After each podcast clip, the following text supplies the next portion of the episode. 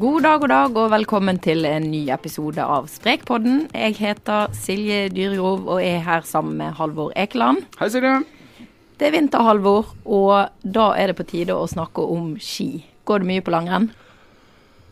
Nei. Nei. Enkelt og greit. Jeg gjør egentlig ikke det. Nei, men jeg, jeg gikk en del Jeg gikk litt på langrenn før. Jeg har aldri gått på langrenn sånn uh, i klubb eller noe sånt. Men jeg gikk litt på langrenn før. Jeg har vært, deltatt i noen turrenn og sånn med familien, egentlig. Ehm, så ja, nei, jeg har gått litt på ski, men ikke så veldig mye. Og du? Du bor i Bergen, så du går kanskje ikke så mye? Nei, vi må i hvert fall reise et lite stykke, da. Vi har Ja. jo Kvamskogen som er en drøy time unna. Eh, Der kan det være snø av og til, Ja. så da hender det at vi er på ski. Ja. Det er alltid kjekt, det. ja. Men jeg er klart å lære mer om langrenn. Sprekpodden er et samarbeid mellom Aftenposten, Bergens Tidende, Stavanger Aftenblad, Fedrelandsvennen, Adresseavisen, Sunnmørsposten, Romsdals Budstikke og i Tromsø. Og med oss i studio i dag så har vi en med mer kunnskap om dette enn de fleste i Norge, stemmer ikke det? Jeg håper det.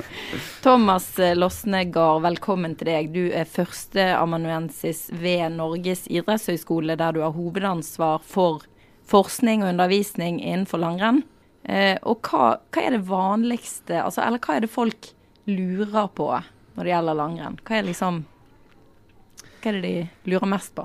Nei, det går jo egentlig både på det med utstyr, altså det med valg av ski og staver og den type ting, eh, men også sånn generelt innenfor trening og kanskje spesielt teknikktrening. Um, og i det siste tida så har det også vært veldig sånn fokus på det med staking spesielt. Skal man stake mye? Når skal man velge å stake? Og hva slags type trening er det som er effektivt da, for å forbedre prestasjonen, spesielt i staking? Ja, er det fordi man har sett på TV at det funker? Ja, eh, i hovedsak så er det jo altså disse langløpene som på en måte har eh, dratt veldig i gang denne skal vi kalle det stakebølgen. da. Ja. Som da har medført eh, ja, ulik type trening, men også ulik type utstyr. Eh, blant Mm. med ski og staver og, og eh, ja, de type tingene. Mm. Men Hva er det folk lurer på med teknikken, f.eks.? Nei, altså, og hva er svaret på det, ikke minst? Ja, Det folk lurer veldig på, det er jo det med staketeknikken. For staketeknikken har på en måte utvikla seg veldig da, siste skal vi si, 20 årene. Mm. Man går på en helt annen måte i dag enn det eh, Bjørn Dæhlie gjorde på, på midten av 90-tallet. Ehm, og det er folk veldig interessert i, da. Nettopp fordi at de ser at utøvere staker i veldig forskjellige typer terreng også. Eh, sånn at det som er også med langrennsteknikk, det er at det fins ikke én type teknikk i langrenn. Det fins veldig mange forskjellige typer teknikker også innenfor staking. Så f.eks. Hvis man staker flatt, så staker man på en helt annen måte enn det man staker i motbakke f.eks. Og det fokuset har på en måte økt veldig de siste årene. Mm. Kan du si litt, altså, eh, man, jeg skjønner jo at du må sette stavene lenger bak når du staker i motbakke, men er det, er det eneste forskjellen? At du setter stavene lenger fram når det er flatt? Ja, du kan si at i staking så, så girer vi, da, som vi sier, Ja. eh, med hvor langt vi setter armene framover. Så jo høyere hastigheten er, jo større hjul får du. Altså jo lengre fram setter du armene. Mm. Eh, når hastigheten er lav, typisk i motbakke, så girer du da ved å sette armene litt lenger bakover. Mm. Og så endrer du også da frekvensen. Så man kan tenke seg liksom langrennsteknikkene som en slags girsystem på samme måte som man har på bil. da. At man velger gir i forhold til den hastigheten som man da har i sporet. Mm. Øh, holdt på å si overkropp, armer, vinkler. øh, Hvor nøye liksom Hvor mye kan du øh, si på, på i en podkast, sånn at folk skjønner det, holdt jeg på å si, av teknikk? Nei, det som er inne på i stad, det, det handler veldig mye om på en måte hvor du har armene. At du ikke på en måte har armene altfor langt fra deg. Altså prøve å jobbe med stavene ganske tett inntil kroppen. Mm. Eh, og det er da spesielt viktig i motbakke. Fordi at si, noe av den vanligste feilen folk gjør, det er at de, de bruker for mye armene. Altså I langrennsteknikker så, så prøver vi å bruke kroppstyngden vår i hovedsak på stavene, og ikke dra oss fram med armene. For drar vi oss fram med armene, så blir det ofte veldig tungt og veldig slitsomt for armene. Så, så et av hovedmomentene i god staketeknikk, det er nettopp det å utnytte at vi eh, har en har en kropp som vi kan bruke på stavene. Mm. Altså bruke den effekten av kroppstyngden vår på stavene til å drive oss framover. Mm. Det er veldig viktig.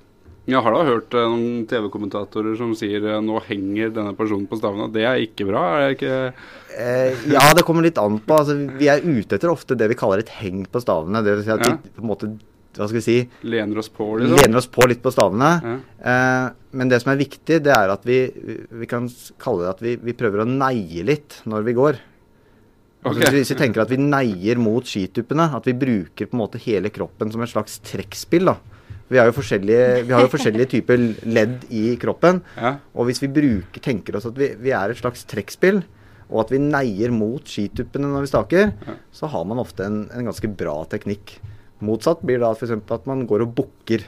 Det vil si at man bøyer veldig i hofteleddet. ikke sant? Ah. At man, man bukker seg framover. Og da, da blir det veldig tungt. Da får man ikke brukt beina som en slags utskytningsramp før stavtaket kommer. da. Jeg sitter her og prøver å gjøre bevegelsene underveis mens du forklarer det. Det, det gir jo mening, egentlig. Jeg sitter og tenker på at staking er jo ganske tungt. Um, og så sitter jeg og lurer litt på altså, hvilken teknikk bør man som mosjonist ehm, på en måte satse på, eller bør man satse på ulike og, og, og, lære seg ulike teknikker, eller hva er rådene der? For de Ja. som kanskje er sånn som meg, som ikke går veldig mye på ski. Ja, Det er et veldig bra spørsmål, egentlig. fordi at veldig mange ser på TV hva de beste gjør, og så prøver de å tilnærme det de beste gjør. Men det som er litt faren med det, det er at de beste de går mye fortere enn det du og jeg gjør. Og det vil si at de har en mye større hastighet. Og som jeg var inne på i stad, hastigheten henger veldig sammen med valg av gir igjen. Sånn at det er ikke nødvendigvis sånn at det er bare lurt å kopiere hva de beste gjør, og ta det over på seg selv. Mosjonister bør bruke kanskje litt andre typer gir enn eliteløperne. Dvs. Si at de bør bruke kanskje mer diagonalgang f.eks., og kanskje ikke stake så mye som de beste gjør. Fordi at de har ikke den hastigheten som, som skal til for å nettopp bruke de si, litt tunge girene. Så jeg vil anbefale mosjonister spesielt å liksom variere veldig i teknikk og bruke diagonalgang, bruke staking med fraspark i mye større grad enn det eliteløperne gjør. Og skøyting, da? Ja, I skøyting gjelder det altså akkurat det samme. Um, der er jo på en måte, har vi tre skal vi si, hovedteknikker. Vi har padling, som brukes primært når hastigheten er lav. Øker vi hastigheten, så går vi over til dobbeltlands. Og på en måte enkeltlands er da skal vi si, tredjegiret.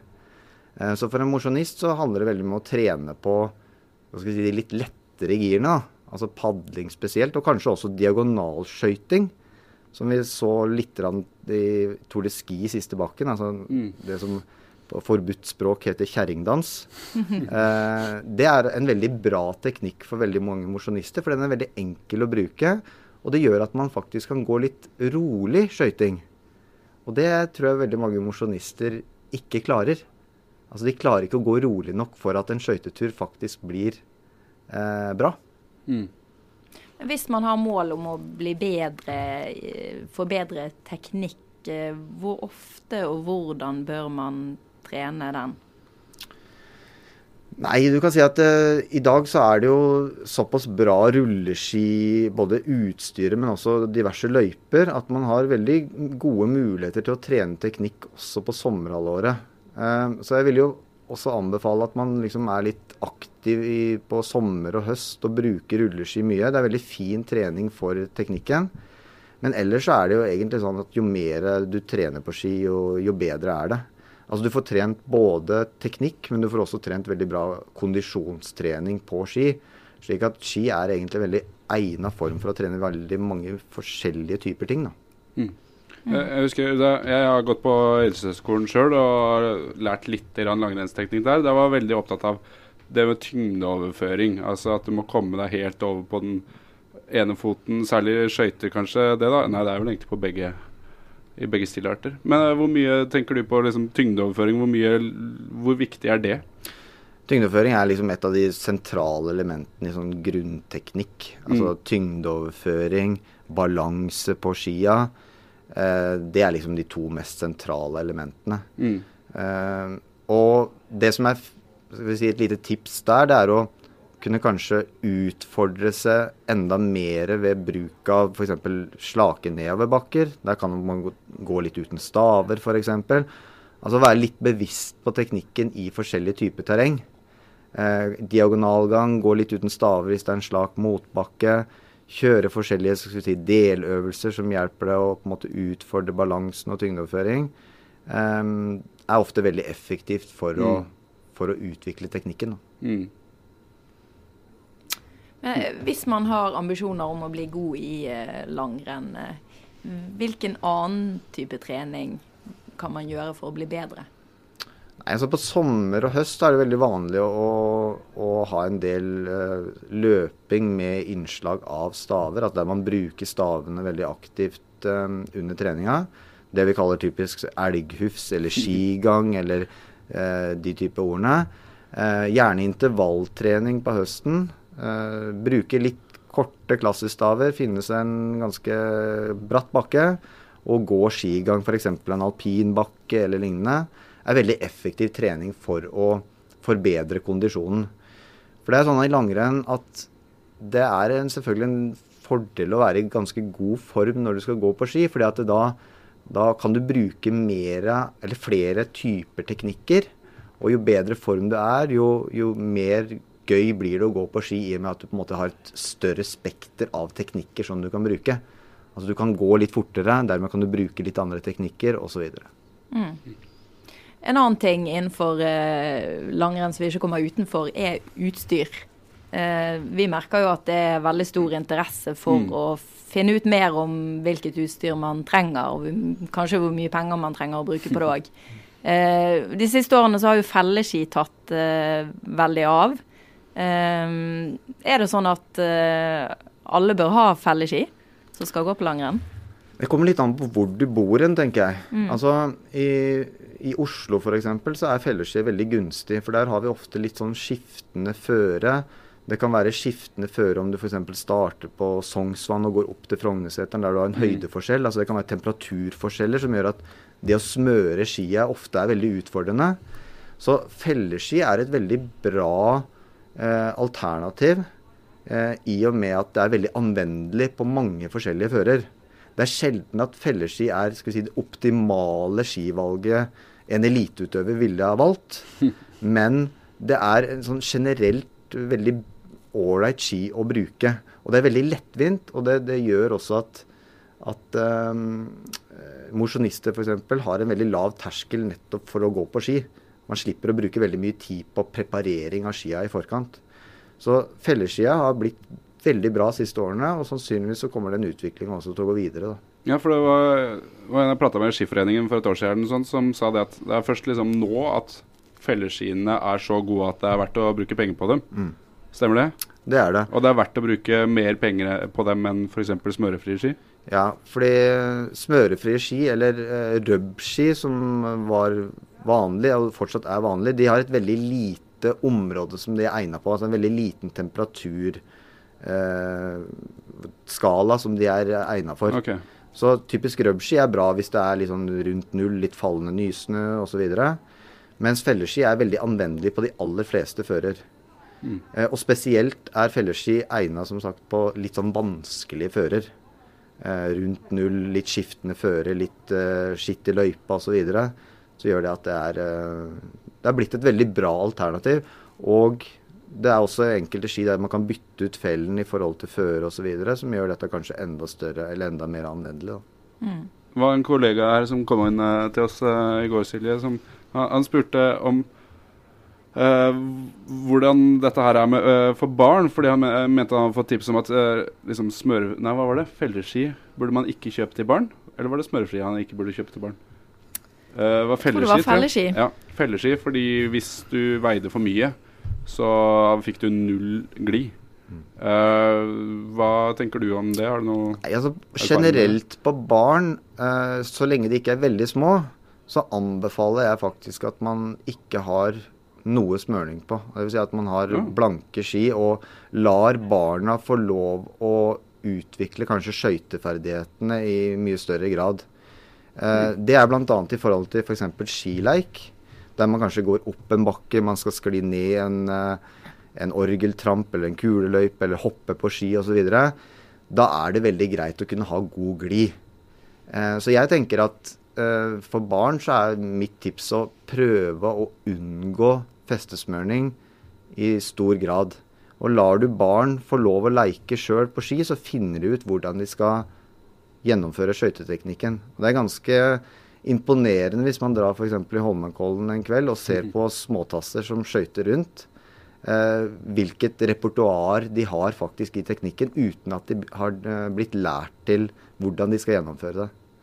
Yes. Eh, så jeg tror at det er viktig at foreldre også har litt tålmodighet og lar barna få leike seg litt på skia, kanskje uten smøring. For de aller minste så er det klart at de vil nok ikke klare å skøyte. Men når de kommer opp på typisk barneskolen, så, så tror jeg det absolutt er mulig. I, hvis de har greie ski og, og, ikke minst ordentlige staver, da. Mm. Ordentlige staver, hva vil du nei, altså, si? Nei, altså typisk eh, ikke aluminiumstaver, men karbonstaver eh, eller også riktig stavlengde. Også veldig viktig for å kunne skøyte bra. Mm.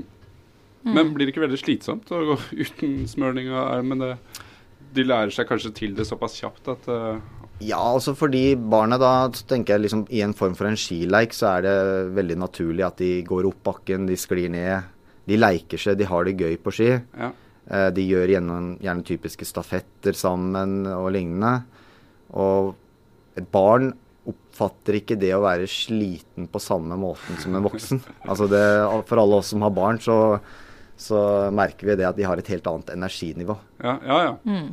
Det er klart. Men hvis man skal liksom på søndagstur med familien, så Ja, det, det kan jo hende det blir litt annerledes. Ja. Uh, men jeg tenker liksom det viktigste for barn er å, å la dem få en større frihet da, til å kunne leike seg på ski. Og det er ikke alltid søndagsturene kanskje er det barna sjøl ønsker. Det kan være at de heller har lyst til å leike og, og kose seg på ski. Ja. Kanskje Kvikk Lunsjen eh, frister mer enn ja, en målet. Det er også kommet noe som heter stakeski nå. Eh, det er kanskje for de spesielt interesserte, eller supermosjonistene? Ja, i hovedsak så er det det. Eh, det er jo brukt noe på langløp spesielt. Som, og de skia har typisk et litt, det vi kaller et litt annet spenn på skia. De er litt annerledes å klemme sammen. De er lettere da å stake med en vanlig klassisk ski. Eh, men det er som du er inne på at det er, eh, det er for de spesielt interesserte. Og igjen så er det ikke nødvendigvis sånn at for en mosjonist at det lønner seg å stake et helt skirenn. Mm. Nettopp fordi at de er ikke Så de aller fleste er ikke godt nok trent til å kunne utnytte staking gjennom et helt skirenn. For de så vil det lønne seg stort sett å gå tradisjonell, klassisk langrenn med diagonal og også staking med fraspark. Mm. Er det noen eh, andre nyheter innenfor eh, langrenn? Altså ting som kommer inn for utstyr, eller noe som er på vei? Nei, det har, vært, altså det har vært en veldig sånn utvikling egentlig hele skal vi si, de siste 20 årene. Altså, I dag så går man 15, kanskje 20% fortere på en 15 km i World Cup enn det man gjorde for 20 år siden. Og det er ganske mye. Mm. Uh, og det er ikke nødvendigvis fordi at utøverne har blitt bedre trent, men det er jo primært pga. utstyret. Mm. Altså skia har blitt bedre både glimessig, men også gå på. Stavene har blitt lettere. Uh, altså det er en form for en optimalisering av utstyr som, som foregår hele tida nå. Uh, så det er vel kanskje ikke noen sånn stor revolusjon, men det er, en, det er en stadig endring i på en måte optimalisering av utstyr. Har man muligheter til å komme enda lenger, eller eh, begynner man å nå eh, toppen? Har alltid muligheten til å komme lenger. ja, jeg, jeg, tror at man har store muligheter bl.a. på sålematerial og sånne ting. Jeg tror, altså Svartsålen har jo vært i mange, mange år. og jeg tror det er store muligheter til å kunne endre det, men det vil koste veldig mye penger. da. Og Spørsmålet er om skifabrikanten er villig til å gjøre den, eh, den delen. Bindinger er jo heller ikke utvikla optimalt, tror jeg. Der, der går det an å og ta det et steg videre. Eh, staver også. Så mm, at det kommer til å skje ting, det, det, tror jeg. Og så blir det også spennende å se hva som skjer med klassisk langrenn. Om den kommer til å forsvinne, som den kanskje vil gjøre om noen år. I hvert fall på høyeste nivå. Eh, eller om den kommer til å fortsette. Mm. Jeg så du, hadde, du skrev en sak om akkurat det. Fem grunner til at eh, klassisk langrenn eh, kanskje burde forsvinne, og så hadde du vel tre grunner for at det burde fortsette å være her. Kan du si litt om det? Ja, altså Jeg tror ikke klassisk langrenn er på en måte framtida, i hvert fall på elitenivå. Uh, Utviklinga går så fort nå at uh, uh, altså utøvere hele tiden etterstreber å gå fortest mulig. Og det vi ser nå i klassisk langrenn, er at man enten staker eller eh, springer. Så sånn Klæbo Ja, sånn Klæbo-stil. Og FIS er heller ikke interessert i den utviklinga der man på en har veldig sånn spesiell klassisk langrenn. Så det er på en måte ett av argumentene, men det som jeg tror er det viktigste argumentet, i hvert fall i Norge, det er utstyr, kostnad, ikke minst for barn og unge. Langrenn er blitt en veldig dyr idrett å holde på med. Og hvis vi skal fortsette med to teknikker der barn og unge må ha utstyr til både klassisk og skøyting i form av ski, staver, sko osv., så, videre, så så blir dette en idrett som er kun for rike foreldre. Og det tror jeg faktisk ingen er spesielt uh, tjent med. Mm. Mm. Snakke litt om uh, prisen, og hvis vi kan på en måte ta det litt tilbake også, med, um, tilbake til liksom, hva slags utstyr du, du trenger. Uh, F.eks. du sier at uh, utviklinga har gått veldig fort. Hvor gammelt utstyr er utdatert? holdt jeg på å si? Hvor, hvis du har ski fra fem år tilbake, vil du merke stor forskjell på opplevelsen hvis du kjøper nye ski? ti år tilbake? Spesielt innenfor skøyting så har det skjedd en del på skia. Eh, om du har fem år gamle ski, tror jeg ikke kanskje du merker så stor forskjell på. Men ti år gamle ski er en merkbar forskjell i forhold til eh, skøyting. Og det er mer på opplevelsen, hvordan det er å bruke. Eh, staver er det liksom Det er marginalt. Det er litt på vekt og litt på pendel osv. Mm. Eh, skoa er litt stivere og litt mer komfortable nå enn det de var. Eh, så Si fem år gammelt utstyr, ikke så stor forskjell. Ti år, det vil du faktisk merke. Mm. Men hvor mye, holdt på å si, hvor mye trenger en vanlig søndagsturmosjonist, eller som går i helgene og kanskje en uh, tur uh, på uh, en onsdag? Mye trenger man å bruke på utstyr for å, for å, få en god opplevelse, positiv opplevelse? For det er jo viktig selvfølgelig når du først drar ut. Ja, eh, et Altså, det kommer litt an på om du både går, vil gå skøyting og klassisk, om du vil ha begge ja, ja. sett osv. Men som regel så, for en skal vi si, vanlig mosjonist som kanskje ikke går så mye skirenn eller noe, så holder det egentlig Hvis man har ett par felleski, mm. så kommer man egentlig veldig langt. Men det som veldig mange glemmer, tror jeg, det er at stavene er litt sånn viktig at de er ordentlige. Ja. At det, det, er på en måte typisk karbonstaver eller uh, komposittstaver, og ikke aluminiumstaver. Det har veldig mye å si for skiopplevelsen. Eh, og så er det viktig at den staven har riktig lengde, da. Ja. Sånn at man kan på en måte utføre teknikkene riktig. Så kostnaden trenger ikke å være veldig høy hvis man på en måte samtidig har begrensa ambisjonsnivå. Eh, men for en som konkurrerer, så er du kanskje avhengig av ski til litt forskjellige typer føre. Det er klart. Eh, gjerne et klisterpar og kanskje et tørrpar. Eh, og hvis man da i tillegg skal gå skøyting og klassisk, så sier det seg selv at da kan kostnadene fort mm. bli høye. Mm. Mm. Tiden vår er ute. Eh, den er det, rett og slett. Men det var interessant dette her. Takk til deg, Veldig. Thomas Losnegard, og til deg, Halvor Ekeland. Og takk til deg, Silje. Ja. Og har du tips til noe vi bør skrive om eller ta opp i podkasten, send oss gjerne en melding på Facebook. Du finner oss under Sprek. Sprek, ja. Yes. Mm. Takk for oss. Ha det bra.